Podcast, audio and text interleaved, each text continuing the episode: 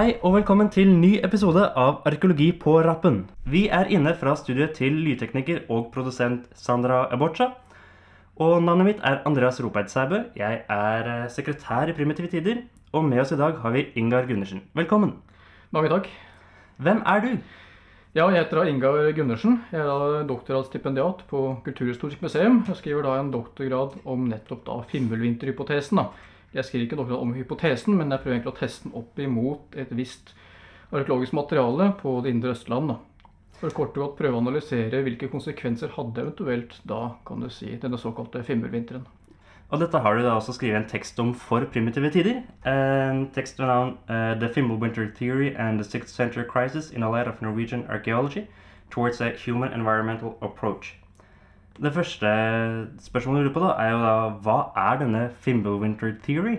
Og for å aller først Mm. eh, koke det mest mulig ned, hva er Fimbulvinteren? Ja, Selve Fimbulvinteren er jo egentlig en mytologisk eh, beretning. altså Det er jo belagt i de norrøne mytene, og er egentlig opptakten til Ragnarok, altså verdens undergang. Og fimmelvinteren, ifølge mytene, er jo da en, eh, en lang, kald, hard vinter eh, som varer i tre år uten sommer imellom, med da katastrofale følger for, for befolkningen, eller den norrøne befolkningen. da. Selvfølgelig, I denne historien, som da leder opp imot Ragnarok, den er jo apokalyptisk. Det innebærer alle kan si, mulige skrekkscenarioer man kan tenke seg for menneskeheten i et førestort samfunn, eller for også den dag i dag. Det dreier seg selvfølgelig om eh, massedød, det dreier seg om hungersnød, det dreier seg om herjinger, det dreier seg om troll, det er monstre, ikke sant? og selvfølgelig gudenes endelikt. Altså, det kan nesten ikke bli verre. Gudene får deng og alt uh, går i dass. Du kan si at med tanke på dagens fryktbilder med korona og klimaendringer og slike ting, så er det fryktelig interessant å se egentlig hvordan eh, moderne trusselbilder på mange måter ikke er så veldig ulike det som har vært tidligere tider. Ja. Hva er denne, altså denne Fimbulwinter, altså Nå vet vi hva Fimbulvinteren er, men hva er Fimbulwinter Theory i arkeologisk fagtradisjon? Ja, egentlig så har jeg tenkt etter at jeg skrev den artikkelen og fikk den publisert, at egentlig så er det litt misvisende, for det er jo ikke en teori, det er en hypotese, egentlig. Og den hypotesen fortsatt gjenstår å bli testa. Det er mange måter det også med, mitt arbeid eh, retter seg inn mot. da. Det er forsøk på å teste hypotesen. For enn så lenge så ligger det ikke noen, kan du si, noen analytisk etterprøvbar fremgangsmåte bak Fimbulvinterhypotesen. Det er jo faktisk mer en påstand belagt i et generelt inntrykk av det arkeologiske materialet i Skandinavia. Så det gjenstår endelig veldig mye arbeid før man kan, eh, kan få vurdert på en god måte eh, hvor relevant Fimbulvinterhypotesen er. For eh, tittelen på teksten din eh, er jo The Fimbulwinter Theory and the Sixth Century Crisis. Hvordan forholder denne Fimbulvinteren seg til eh, 500-tallet etter Kristus? Ja, nei, det er jo Først kan du spore da tilbake igjen til eh, Bo Greslund, som i 2007 kom med nettopp det jeg har kalt Fimbulvinterhypotesen. da. Hvor han satte da kan du si store radikale endringer i det arkeologiske materialet i sammenheng med kan du si nye klimahistoriske datasett som indikerte en drastisk nedkjøling av den nordlige halvkulen. Så, og når da de, de klimahistoriske resultatene satte da Greslund i sammenheng med kan du si, dyptgripende endringer i det arkeologiske materialet, herunder da endringer i bosetningsmønstre, færre bosetninger ikke minst, indikasjoner på brakklegging og gjengroing, færre graver, enkle gravmaterialer osv. osv. Men egentlig så er ikke det noen ny teori, heller ikke for Greslund sin del. eh, Fordi helt tilbake til Oluf Ryg, i hvert fall norsk arkeologi, så har man diskutert disse voldsomme endringene, overgangen til eldre, yngre jernalder. Som da gjentatte ganger har blitt aktualisert opp gjennom faghistorien. Så man har sett at det er en periode i arkeologisk Altså i, i skandinavisk forhistorie på rundt midten av 500-tallet hvor det plutselig skjer store endringer, mye mindre funn. Eh, og så i ettertid så har man funnet, kommet fram til at det, er, at det skjedde en drastisk nedkjøling som sammenfaller med disse endringene. Til en viss grad kan du si det slik, men samtidig så var jo også dette med klimadata veldig tidlig inne i diskusjonen. Den første som trakk klimadataen inn i diskusjonen for eh, Skandinavia sin del, var jo den svenske pioneren innenfor den pollenanalytiske metoden, Johan Rutger Senander, som allerede i 1910 påpekte en drastisk nedkjøling av nordlige halvkulen, ut fra studier av gjengroing i myrpartier. Men i motsetning til senere teorier så mente jo Sernander at dette hadde en sammenheng med overgangen bronsealder førromersk jernalder. Da kunne forklare funnfattigdommen i førromersk jernalder. Bortsett fra det, bortsett fra tidsperspektivet, så er egentlig teoridannelsen ganske lik det vi ser i senere hypoteser om Fimbulvinteren. Men likevel, det handla litt om en annen tidsperiode. Men likevel så var det så tidlig påpekt eh, i norsk sammenheng, så var det særlig Håkon Skjetelig som for alvor satte da dette her i system i forhold til når disse radikale endringene skjedde. Skjetelig var blant de første som brukte hele tatt begrepet merovingertid i sin tid. Eh, og etter hvert ble altså merovingertiden stående som selve overgangen fra eldre til yngre, gjerne nettopp pga. de dyptgripende endringene som merovingertid representerte, da, kontra folkevandringstid. Men disse endringene har man forklart på veldig mange forskjellige måter. Til å begynne med snakka man jo om eh, store geopolitiske bilder. Romerrikets sammenbrudd, endringer i handelsnettverkene, økonomisk sammenbrudd som følge av det, ufred, ustabilitet, folkevandringer osv. Altså ganske sånn kulturhistoriske forklaringsmodeller. Senere begynte å snakke om jordbrukskrise og overbefolkning. Det var jo Brøgger som var først ute med det som mente at, eh, at eh, befolkningsøkning i eldre jernalder forårsaka overbeskatning av landbruket i overgangen til yngre jernalder. Og det igjen da forårsaka, kan du si, eh, folkevandringer og sosial krise. Og, da, og da etter hans da, tankegang så ble da mange gårder brakklagt som følge av dette her. Og befolkningen sank ved overgangen til yngre jernalder. Jan Petersen var også inne på samme, samme teori. Men så allerede i 1958 så mente Oddmund Møllerup at eh, det kunne ikke være tilfelle at det var folkevandring som var årsaken til denne krisen. For han mente allerede da å påvise at distribusjonen av ødegården i terrenget den var jo ensartet, uavhengig om det var sentrale eller marginale jordbruksstrøk det var snakk om. Altså Han mente at krisen ramma ganske jevnt i befolkningen. Og dermed så måtte jo, kunne jo ikke folkevandringen være årsaken, eller nødvendigvis en sosial krise som sådan, men det måtte være pest. Ja. Og da ser vi pesthypotesen for alvor kommer inn i norsk arkeologi. Og Den gjentar seg med jevne mellomrom eh, opp til eh, dagens diskusjon om Finnbullvinteren, egentlig. Så er det andre forklaringsmodeller selvfølgelig også, da, av mer eller mindre betydning. På 70-tallet fikk det også klimahypotesen i norsk arkeologi, men den fikk egentlig ikke noe særlig gjennomslag før opp i nyere tid. da. Men det vi ser i fimmelhypotesen, at mange av disse forklaringsmodellene egentlig bakes sammen til én overordnet hypotese som på mange måter innkapsler alle disse momentene til én. For gjennom denne krisen, så er klimakrisen, så har vi også da pesten som en faktor. ikke sant? Vi har økonomisk sambrudd som en faktor, vi har jordbrukskrisen som en faktor, ikke sant? vi har folkevandring som en faktor. Så, en, en, så det som skiller den nåværende Finnbullvinterhypotesen fra foregående krisehypoteser, er jo kan man kanskje si at den er så totaliserende, hvis Ja. du forstår. At um, tidligere så har man sett at det var store endringer på 500 på 500-tallet. Ehm, men man har, uh, man har sett det som en, et, et sammenfall av mange ulike prosesser, mens nå kommer Fimmel-Winter-teorien og mer eh, koker det sammen til at det var én det, Altså knytter alle disse store endringene opp mot én hendelse. Eller to hendelser, da. Ja, du kan si, eh, ja, altså Det som er forskjellen med klima, den nye klimahypotesen, er jo kort og godt at eh, den er besatt i førersetet som en forklaringsmodell. Men Ja. samtidig i denne klimahypotesen så ligger det også veldig mange faktorer som ikke er direkte relatert til klima, mer indirekte relatert. Ja. For som pest. Vi ser det i mange tilfeller også opp til en dag i dag at eh, pandemier følger gjerne kan du si, etterkanten av, eh, av eh, sterke klimaendringer. Nettopp fordi det påvirker matproduksjonen f.eks. Ja. Når matproduksjonen svikter, så er det hungersnød. Eh, folks helsetilstand går jo ned, altså folkehelse blir redusert. ikke sant? Fordi folk er så sult, altså det er så stor Ja, sult at man- immunforsvaret ikke Ja, nettopp. Man blir mer sårbar overfor sykdommer. Og det er gjerne de prosessene man da både i historien og i den dag i dag da ser at det slike pandemier da kan si utvikler seg. Så rett og slett, det har vært på midten av, eller rundt midten av 500-tallet så har det vært tre veldig dårlige vintre, som gjør at, nei, tre veldig dårlige somre, som gjør at folk får dyrka veldig lite mat. Folk blir sultne, og så kommer det en pest fordi at folk har nedsatt Ja, det er mange av det som egentlig er tankegangen, ja. Men da kommer vi inn på alt det som er litt uh, vanskelig med denne Fimbulvinterhypotesen. Fordi det er så vanvittig mange kildekritiske faktorer å ta hensyn til at det er vanskelig, enn på nåværende tidspunkt, eh, føler jeg, å si at det var nøyaktig slik det foregikk. Ja. Først så har vi kildekritikken i arkeologien, Ja. som føler er ganske sentral og viktig. Men også kildekritikk innenfor klimaforskningen. ikke sant? Aha. Ja, Som er vel så viktig egentlig for å forstå uh, hvor store konsekvenser disse klimaendringene får. Det er liten grunn til å be, betvile klimaendringer i seg selv, men det er ikke det samme med at den får stor betydning. Ja. For det har da selvfølgelig med, med selve temperaturreduksjonen å gjøre. hvor jevnt distribuert den er, f.eks. i Nord-Europa. Mm. Kan vi snakke om en, den samme nedkjølingen i Skandinavia som i Sør-Europa f.eks.? Uh, kan det være lokale variasjoner pga. værsystemer? ikke sant? Den type ting.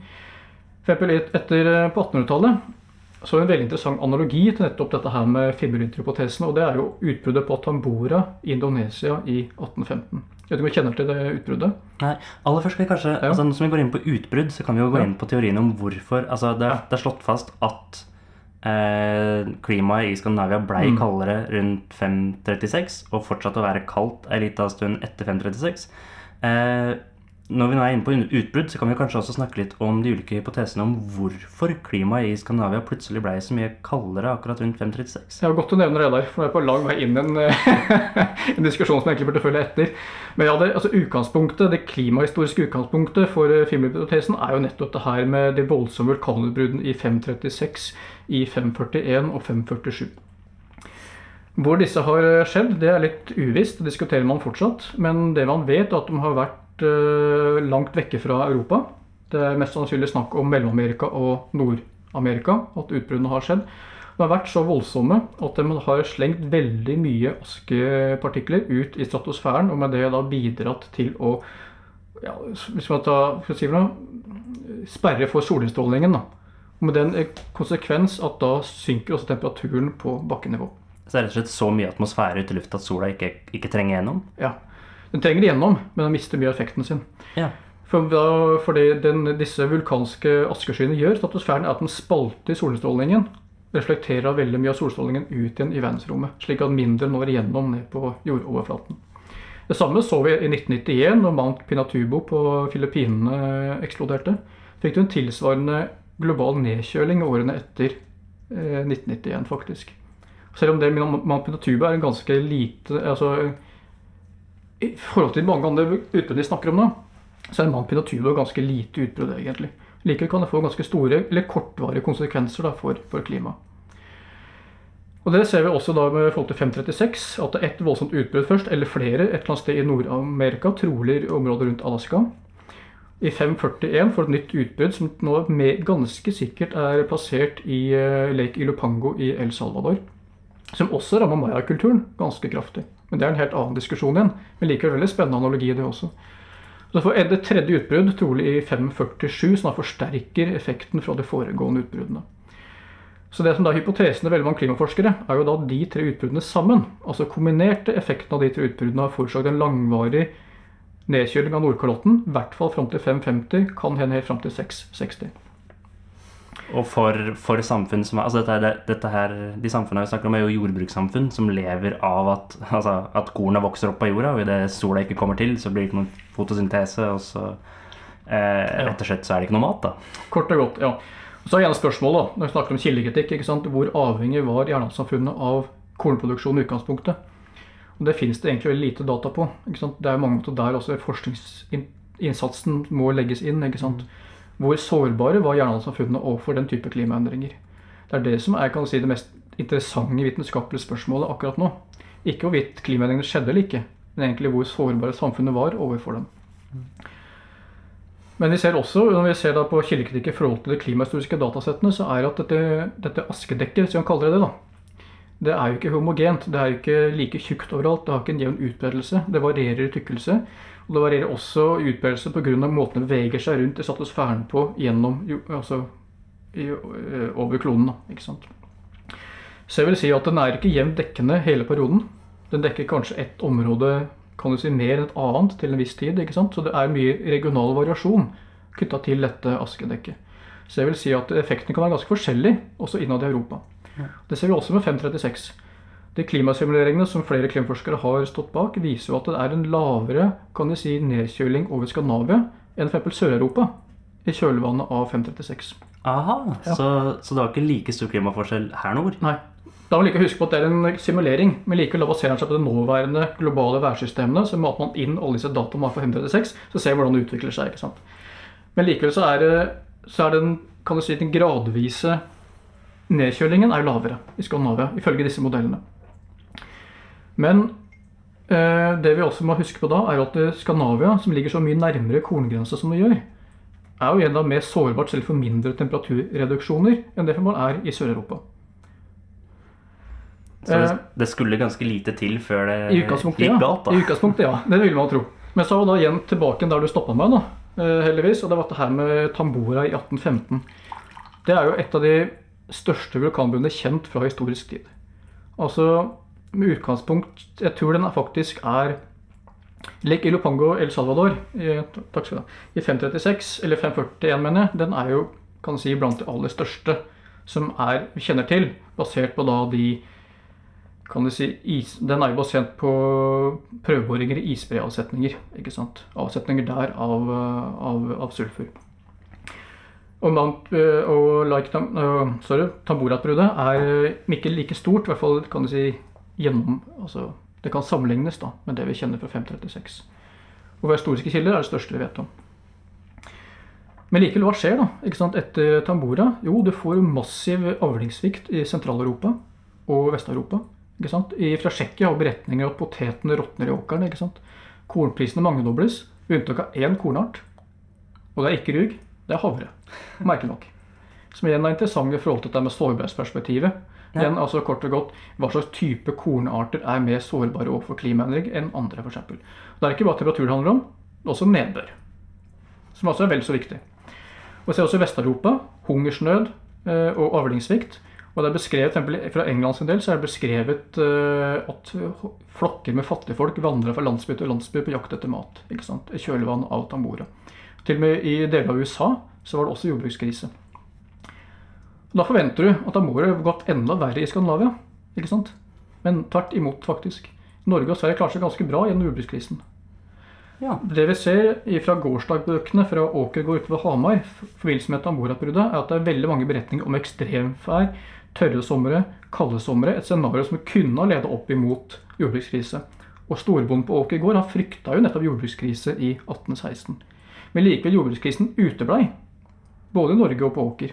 Av årsaker vi ikke fullt ut kan kanskje forstå ennå.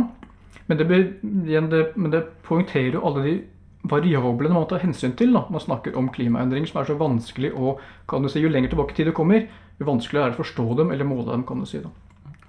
Og i Russland, etter Tamora, de opplevde uvanlig varme somre. De fikk jo rekordavlinger.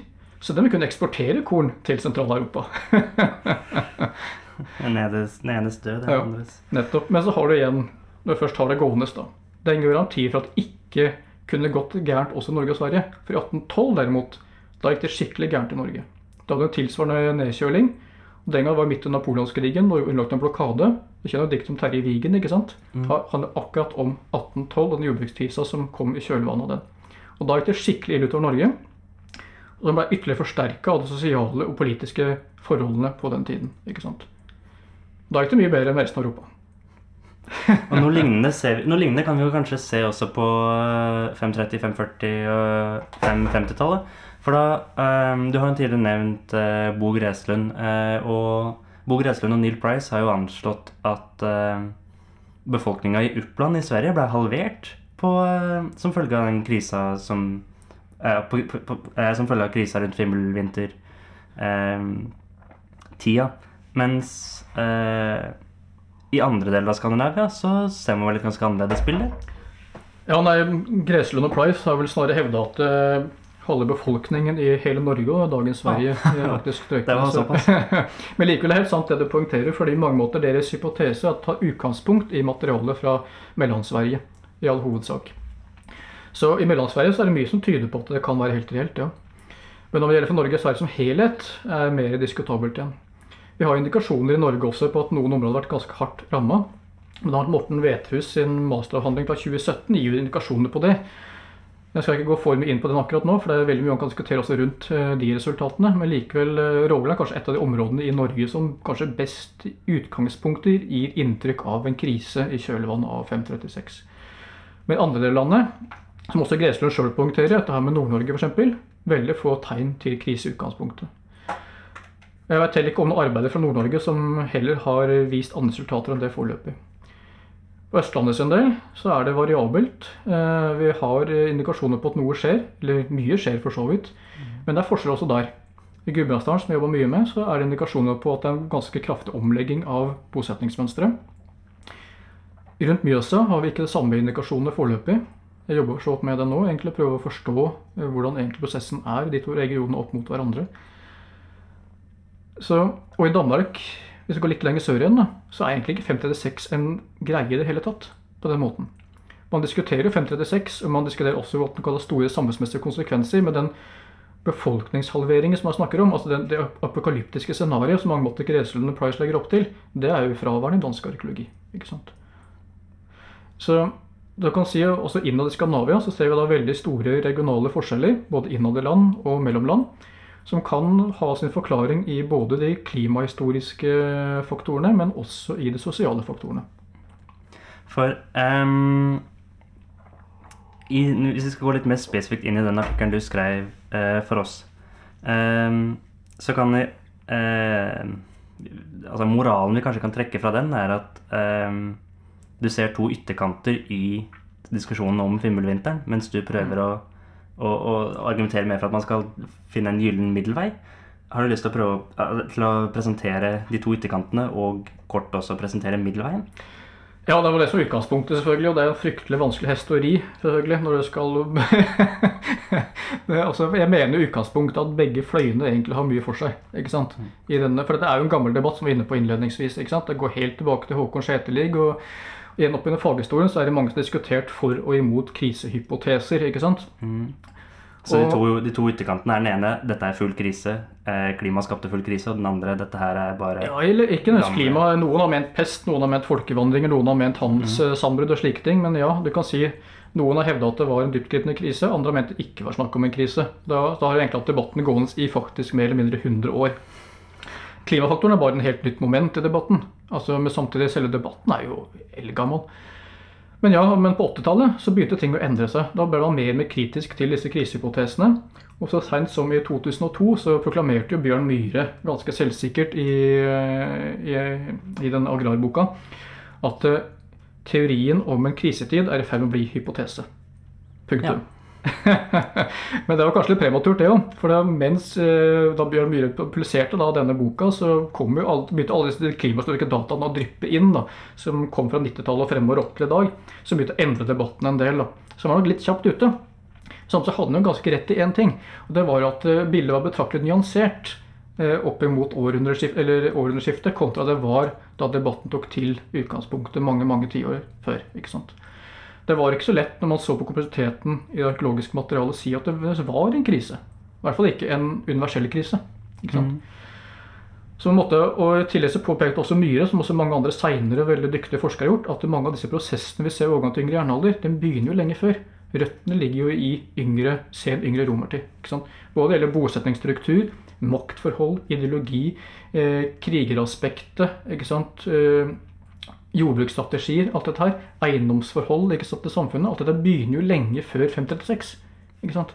Men likevel ser vi, og det er veldig, det er egentlig fleste veldig enige om, både motstandere og tilhengere av krisehypotesene, at 500-tallet er spesielt. Da skjer det i mange måter en sementering av prosessen. Det er det som er viktig her. ikke sant? Så det lange perspektivet som kritikeren har vektlagt, det mener jeg er helt essensielt. Samtidig så har man en tendens til å da neglisjere, kan du si, faktorer som indikerer at det kan ha vært en krisetid. Sånn som klimaendringene, f.eks. Det er interessant at både Bjørn Myhre og Frans Hersen og Ulf Nesmann, alle tre prominente forskere som mange måter har vært skal vi si, i hvert fall, ikke i hvert fall tilbakeholdne overfor krisehypotesene. Alle punkterer at klima må ha hatt betydning, men ingen klarer egentlig å bruke klima aktivt på noe som helst vis i hypotesebyggingen sin. Ingen klarer å bruke det eller sannsynliggjøre eller bruke som en faktor i sine lignelser. ikke sant? Så i praksis er den helt fraværende, selv om de i utgangspunktet mener at den har gyldighet. På andre siden av debatten har du de som tar egentlig klimapakka fullt ut, da, uten egentlig å forstå klimadataene godt nok. Ikke noe egentlig gå kildekritisk til verks for, å prøve å forstå dem godt nok. ikke sant? Og som også kanskje heller ikke har en god nok analytisk fremgangsmåte for å sannsynliggjøre påstanden om en befolkningshalvering. For det er det mange måter handler om. Det som skiller en god hypotese fra kan du si, en eh, egentlig ikke en god hypotese. Men det som skiller en historiefortelling da, fra en mm. god hypotese, nettopp den evnen til å kunne sannsynliggjøre det med en god analytisk fremgangsmåte. Og den mangler, syns jeg, i veldig mange tilfeller. Og Samtidig så har jo også, selv om også Price og Gressman punkterer lange linjene, så gjør også den tilsvarende litt omvendte da kan du si kanskje situasjonen at de likevel ikke klarer å bake disse lange utviklingslinjene inn i syntesene likevel. ikke sant? Ja. Alt koker likevel ned til det ene øyeblikket i historien som er sånn page-turner. ikke sant? Eller sånn avgjørende øyeblikk. da. Men er den egentlig det? Eller handler det snarere om at klimakrisen er en faktor som sementerer en utvikling som allerede er langt fremskredet? Ikke sant? En katalysator. Det ser vi også mange tilfeller på i moderne samfunn, f.eks. Naomi Klein har skrevet en veldig interessant bok om det, sjokkdoktrinen. Eksempel hvordan eh, katastrofer og kriser kan brukes for å akselerere en pågående samfunnsutvikling. Ikke sant? Hvordan de underliggende mekanismene i samfunnet, eller underliggende konfliktene i samfunnet kommer til uttrykk og eskalerer. ikke sant? Det er altså en godt innarbeidet faktor i veldig mange av den antropologiske kriseforskningen. Hvor man nettopp poengterer at krisene er slike, kan du si eh, Ikke nødvendigvis katalysatorer, det kan være det også, men også kan du si være en, eh, en dreie Har hatt avgjørende betydning da, for hvilken rett, videre retning samfunnet tar. Ja. Som et eksempel på endringer som skjer på, eller gjennom hele jernalderen, så kan vi ta den, de endringene i bosetning som Frans Hersen og Lars Erik Gjerpe har beskrevet. Vil du presentere dem kort, og også hva som skjer på 500-tallet? Ja, det er, det er ikke det som er lett å si, vet du. fordi Man har alle de faktorene, altså, som også man er inne på alle på 80-tallet. ikke sant? Dette alle disse usikre momentene og kompleksiteten i materialet, så kan man si at det egentlig er én prosess. ikke sant? Ehm, og sagt, Jeg har inntrykk av at det er grunn til å mene at krisen er helt reell i noen regioner. ikke sant? Da var det kanskje en annen utviklings, andre utviklingstrekk der, da, men det er kanskje andre områder som virker mer kan du si, kan du skjerma igjen. da. Men utgangspunktet er jo at det, det kollektive kan du si, jernaldersamfunnet mange måter opphører eller endres da overgang til yngre jernalder. Du får dette mer strativiserte ikke sant, samfunnet ikke sant, med, med herskerdynastier og småkonger med omfattende regionalt maktgrunnlag. På en helt annen måte herskerideologi, ikke minst. ikke sant? Helt annen ideologi som legger bak. Du får disse krigerfølgene som en etablert institusjon i samfunnet. ikke sant? Alle disse prosessene som tyder på at samfunnet går radikalt annen retning, da, som peker i retning av vikingtiden. Jeg pleier å si at vikingtiden er oppskrytt. Ja. Nettopp fordi ikke sant, mange av de røttene til prosessen vi ser i vikingtid, ligger jo tilbake i tid, nettopp til merovingertid til 500-600-tallet. ikke sant? Det er der de spennende prosessene skjer. Vikingtiden er egentlig bare sånn Nei, nå fortsetter vi. fortsetter en, dytte en ball som allerede ruller? Ja, nettopp så får du middelalderstaten ikke sant, og ferdig med det. ikke sant? Men da, der ligger aldri historien ferdig pakka. da, ikke sant? Men det er jo tidligere at dette her skjer. Men så er jeg tilbake da, som jeg nevnte tidligere. ikke sant? Men de prosessene vi likevel snakker om, da, som sementeres rundt av overgangen, overgangen til vingertid, den begynner jo lenge før. Det har jo, det har jo med Romerriket å gjøre. ikke sant? Romerrikets vekst, Romerrikets påvirkning på det germanske samfunnet. ikke sant? På ideologi, på religion, på krigervesenet, på økonomi. Alt dette her. Og så kommer etter hvert da, når Romerriket går inn i en krise, inn i en resesjon, hva skjer med handelsnettverkene? De går inn i resesjon. Hvordan vil det påvirke de hjemlige, lokale elitene? De kommer i krise. Når gavebytteøkonomien faller sammen, hvordan skal den opprettholde sine nettverk? Hvordan skal den opprettholde sin samfunnsstruktur? ikke sant? Så begynner det å balle på seg. Når 56 kommer, så er egentlig prosessen på mange måter allerede gått ut på dato, kan du si, i, på kontinentet. ikke sant? For Romerriket faller jo sammen lenge før dette her. Prosessen og resesjonen begynner lenge før. Det er også mange måter det Frans Hersen poengterer i, i sine bøker. ikke sant? Nettopp at det er at det som skjer, det skjer, det skjer en- det er som en strikk som ryker på 500-tallet. ikke sant? Så årsaken ligger ikke der.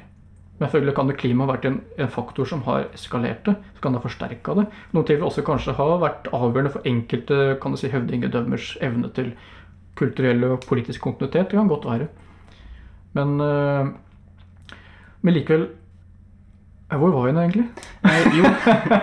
um, vi var på dette med altså eh, klimakrisa Ja, gylne middelvei. Ja. Som et eksempel så kan vi Mm. ta altså det som beskriver, altså de jordbrukssamfunnene som beskrives i Skandinavia fra veldig tidlig i jernalderen, er et jordbruk med et sterkt kollektiv hvor man har en slags privat driftsrett I den grad man kan snakke om privat på den tida, så har man en slags privat driftsrett til jord, men man eier jorda kollektivt. Også når vi går eh, altså Tusen år seinere, når vi kommer inn i vikingtid, så er det et helt annet samfunn hvor det er noen som eier veldig mye jord. Og det er ikke snakk om at man eier den kollektivt, men det er snakk om at en høvding eller en konge eller sånn eier, eier jord. Og at dette mm. er en lang prosess. hvor altså Den gylne middelveien vil si at dette er en lang prosess som ikke skjedde plutselig på 530- eller 540-tallet, men en prosess som akselereres på 530- og 540-tallet.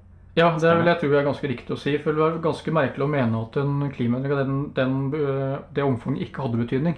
Spørsmålet er hvilken betydning den hadde. Det er det som er det vitenskapelige spørsmålet. Hvilken betydning hadde den? Og hvordan nærmer vi oss det spørsmålet? Og, det, den, og den øh, problemstillingen er i lite grad utvikla i skandinavisk arkeologi foreløpig når det kommer til nettopp 536-forskningen. For det er det som er avgjørende momentet, som er den reelle vitenskapen. Hvordan sannsynliggjør vi det? ikke sant? Da trenger vi en analytisk, fremgang, en analytisk fremgangsmåte som er noe helt annet enn å bare stille datasett opp mot hverandre og si at det er samtidighet. I et klimahistorisk datasett og et arkeologisk datasett, det er ikke en sammenheng. Det at noe skjer samtidig, betyr Ja. ikke at det ene skjer pga. det andre. Nettopp. ikke sant? Særlig også hva vi vet om sosiale prosesser, hvor sendriktig og seigliva det mange måter er. Så det er ganske rart hvis en klimaeffekt hadde den umiddelbare effekten på en sosial prosess. ikke sant? Ja, Det må ha vært konflikter på forhånd eller, Nettopp. eller noe. Ja. Nettopp. Dette med, med prosessene på midten av 500-tallet er vel eh, Det er jo noe du har jobbet videre med også i, i PhD-en din, så vidt jeg har forstått? Ja, ja, ja, dette her er jo egentlig vel opp imot ph.d.-arbeidet mitt. Dette her med, med 536 og Fimbulint-hypotesen. og Det jeg prøver å gjøre, egentlig er å teste det på mange måter på et materiale fra Indre Østlandet, hvor jeg samler alt som er av bosetningsmateriale, utgravd materiale, vel å merke, da, og jordbruks, eh, fossile jordbruksarealer. Jeg har sett nærmere på er det noen endringer over tid. da, ikke sant? Endrer jordbruksutnyttelsen seg f.eks.? Endrer bosetningsstrategien seg over tid? da? Hva kan det igjen si om samfunnets sårbarhet kontra klimaendringene? For er det noe ved den eldre jernalderens jordbruk som skulle tilsi f.eks. at den var sårbare overfor en drastisk klimaendring av denne typen? Da er jeg vel også Mm. inne på hvordan folk kan ha tilpassa seg et, endra, endring, et, altså et klima i endring. Nå Ja. begynner vi å renne litt ut på tid her, men hvis du tar Mm. en eh, Til sist Altså Når klima Altså enten folk holdt på å stryke med, eller de klarte seg ganske greit, så må vel et, en, en endring i klimaet også ha Altså Hvis folk skal ha overlevd, så må de ha endra måten de driver jorda på. Noe, i hvert fall. Hvis, hvis klimaet plutselig blir veldig annerledes. Ja, nettopp. Hvilke, altså, hvilke Ser du noen konkrete tilpasninger som folk har gjort i måten de skaffer seg mat på? Det er det som er rart. Det er ikke det. Nei, folk har opplevd at ok, nå går ting i dass, og hva gjør vi da? Jo, vi fortsetter som før. Ja, nettopp, og det er jævlig ulogisk. Og spørsmålet gikk det egentlig dass? Ja. Nei, altså Jeg har nettopp sittet og klødd meg fælt i huet de siste månedene. For jeg har begynt å sammenstille datasett og prøve liksom å kategorisere det i ulike tidsperioder. Og sånn, og sett om jeg kan finne noe endring. Og som alle arkeologer vet, hva dyrker man i eldre jernalder? Man dyrka bygg. Hva tror du man dyrka i yngre jernalder? Man dyrka bygg. ja. Hva tror du man hadde av, av dyrehold før eh, altså eldre jernalder? Det var selvfølgelig gris, det var selvfølgelig sau, geit, og det var selvfølgelig kveg. Hva tror du de drev med? Og det er, I mitt materiale så er det ganske jevn prosentisk fordeling mellom de tre kategoriene i, i, i, i bosettingsmaterialet. Hva tror du de gjorde etter, da? Eh, Kan du si 536, da? Man hadde keg, man hadde sau og geit, og man hadde gris. Nok en gang med ganske lik prosenters fordeling mellom artene kan si, i det osteologiske materialet. Så jeg skjønner ingenting. Og så tenkte jeg da må det være noe annet. Så jeg kikka på dette med vilt og fangst, ikke sant. Og så For å se om man kunne man, man kanskje jakta mer for å for kompensere man eksempel, fikk Det var en arbeidshypotese jeg tidlig hadde. ikke sant? Selvfølgelig har de jakta mer. Særlig Gudbrandsdalen, det er rett opp på fjellet, så kan du skyte reinsdyr. Selvfølgelig er det en åpenbar løsning på klimakrisen. ikke sant? Men så problemet da, i det osteologiske materialet fra lokalitetene så er det knapt nok noe vilt. Ja. Nei. Så man har Altså om man har jakta noe, så har man i hvert fall ikke tatt, tatt med hjem. Nei, altså greit nok at du kan slakte mye i utmarka. Det er mulig du ikke trenger å ta med deg hjem, ikke sant? Men likevel, du begynner ikke å beine ut lårbein og sånn fra dyreskrotter i utmarka. ikke sant? Det er lettere å bære med, med beinet. Så i hvert fall forvente å finne noen lårbein fra et reinsdyr her og der. ikke sant? Ja, ett bein er fra reinsdyr. Ett fragment. I en database på flere hundre ikke sant? Lokaliteter. Og jeg har fire biter av elg. ikke sant? Hva faen er det for noe? Det gikk, det gikk noe mening. Så tenkte jeg da får jeg sammenstille dette her med undersøkte fangstanlegget da, på høyfjellet og lavfjellet og og skogsområdene i Hedmark og Oppland. Hva fant jeg der, da? Nei, ingenting skjedde der heller. Nei, det, er, det fortsetter som før. Det er ingen intensivering. Eneste signifikante forskjellen jeg fant, er at man dreide jakta vekk fra de lavere fjellområdene opp til høyfjellet til Fonne. Det er det eneste signifikante resultatet. Det kan kanskje tyde på at man vektla reinsdyret mer enn elg, det er heller ikke noen mening i slik sammenheng. ikke sant? Nei, det er den- likevel- nok av mat på en elg. Ja, det er jo det. og likevel, den prosessen den skjer jo faktisk også litt etter klimakrisen, ikke under klimakrisen. Hvis du skal tolke C14-dataene kanskje litt strengt, da, så skjer det etterpå. Så vi, vi ser at uh, det har Altså, det har skjedd noe med klimaet. Og i hvert fall i deler av Skandinavia så har det ført til at veldig mange strøyker med. Man har sett at det man drev med før, ikke funka.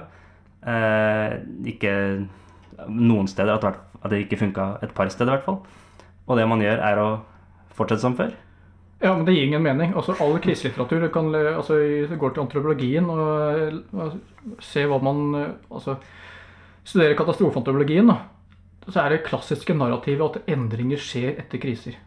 Det er ekstremt sjelden at det ikke skjer endringer. Og det skjer jo endringer, som du har sagt. Det skjer endringer i Ja. måten man eh, Organiserer seg på. Måten man, måten man organiserer eierskap til jord, måten Mm. man eh, Altså sosial lagdeling, måten man lager redskaper på osv. Men i akkurat hva man gjør for å skaffe seg mat, som er liksom det som, der hvor problemet ligger, Ja, nettopp.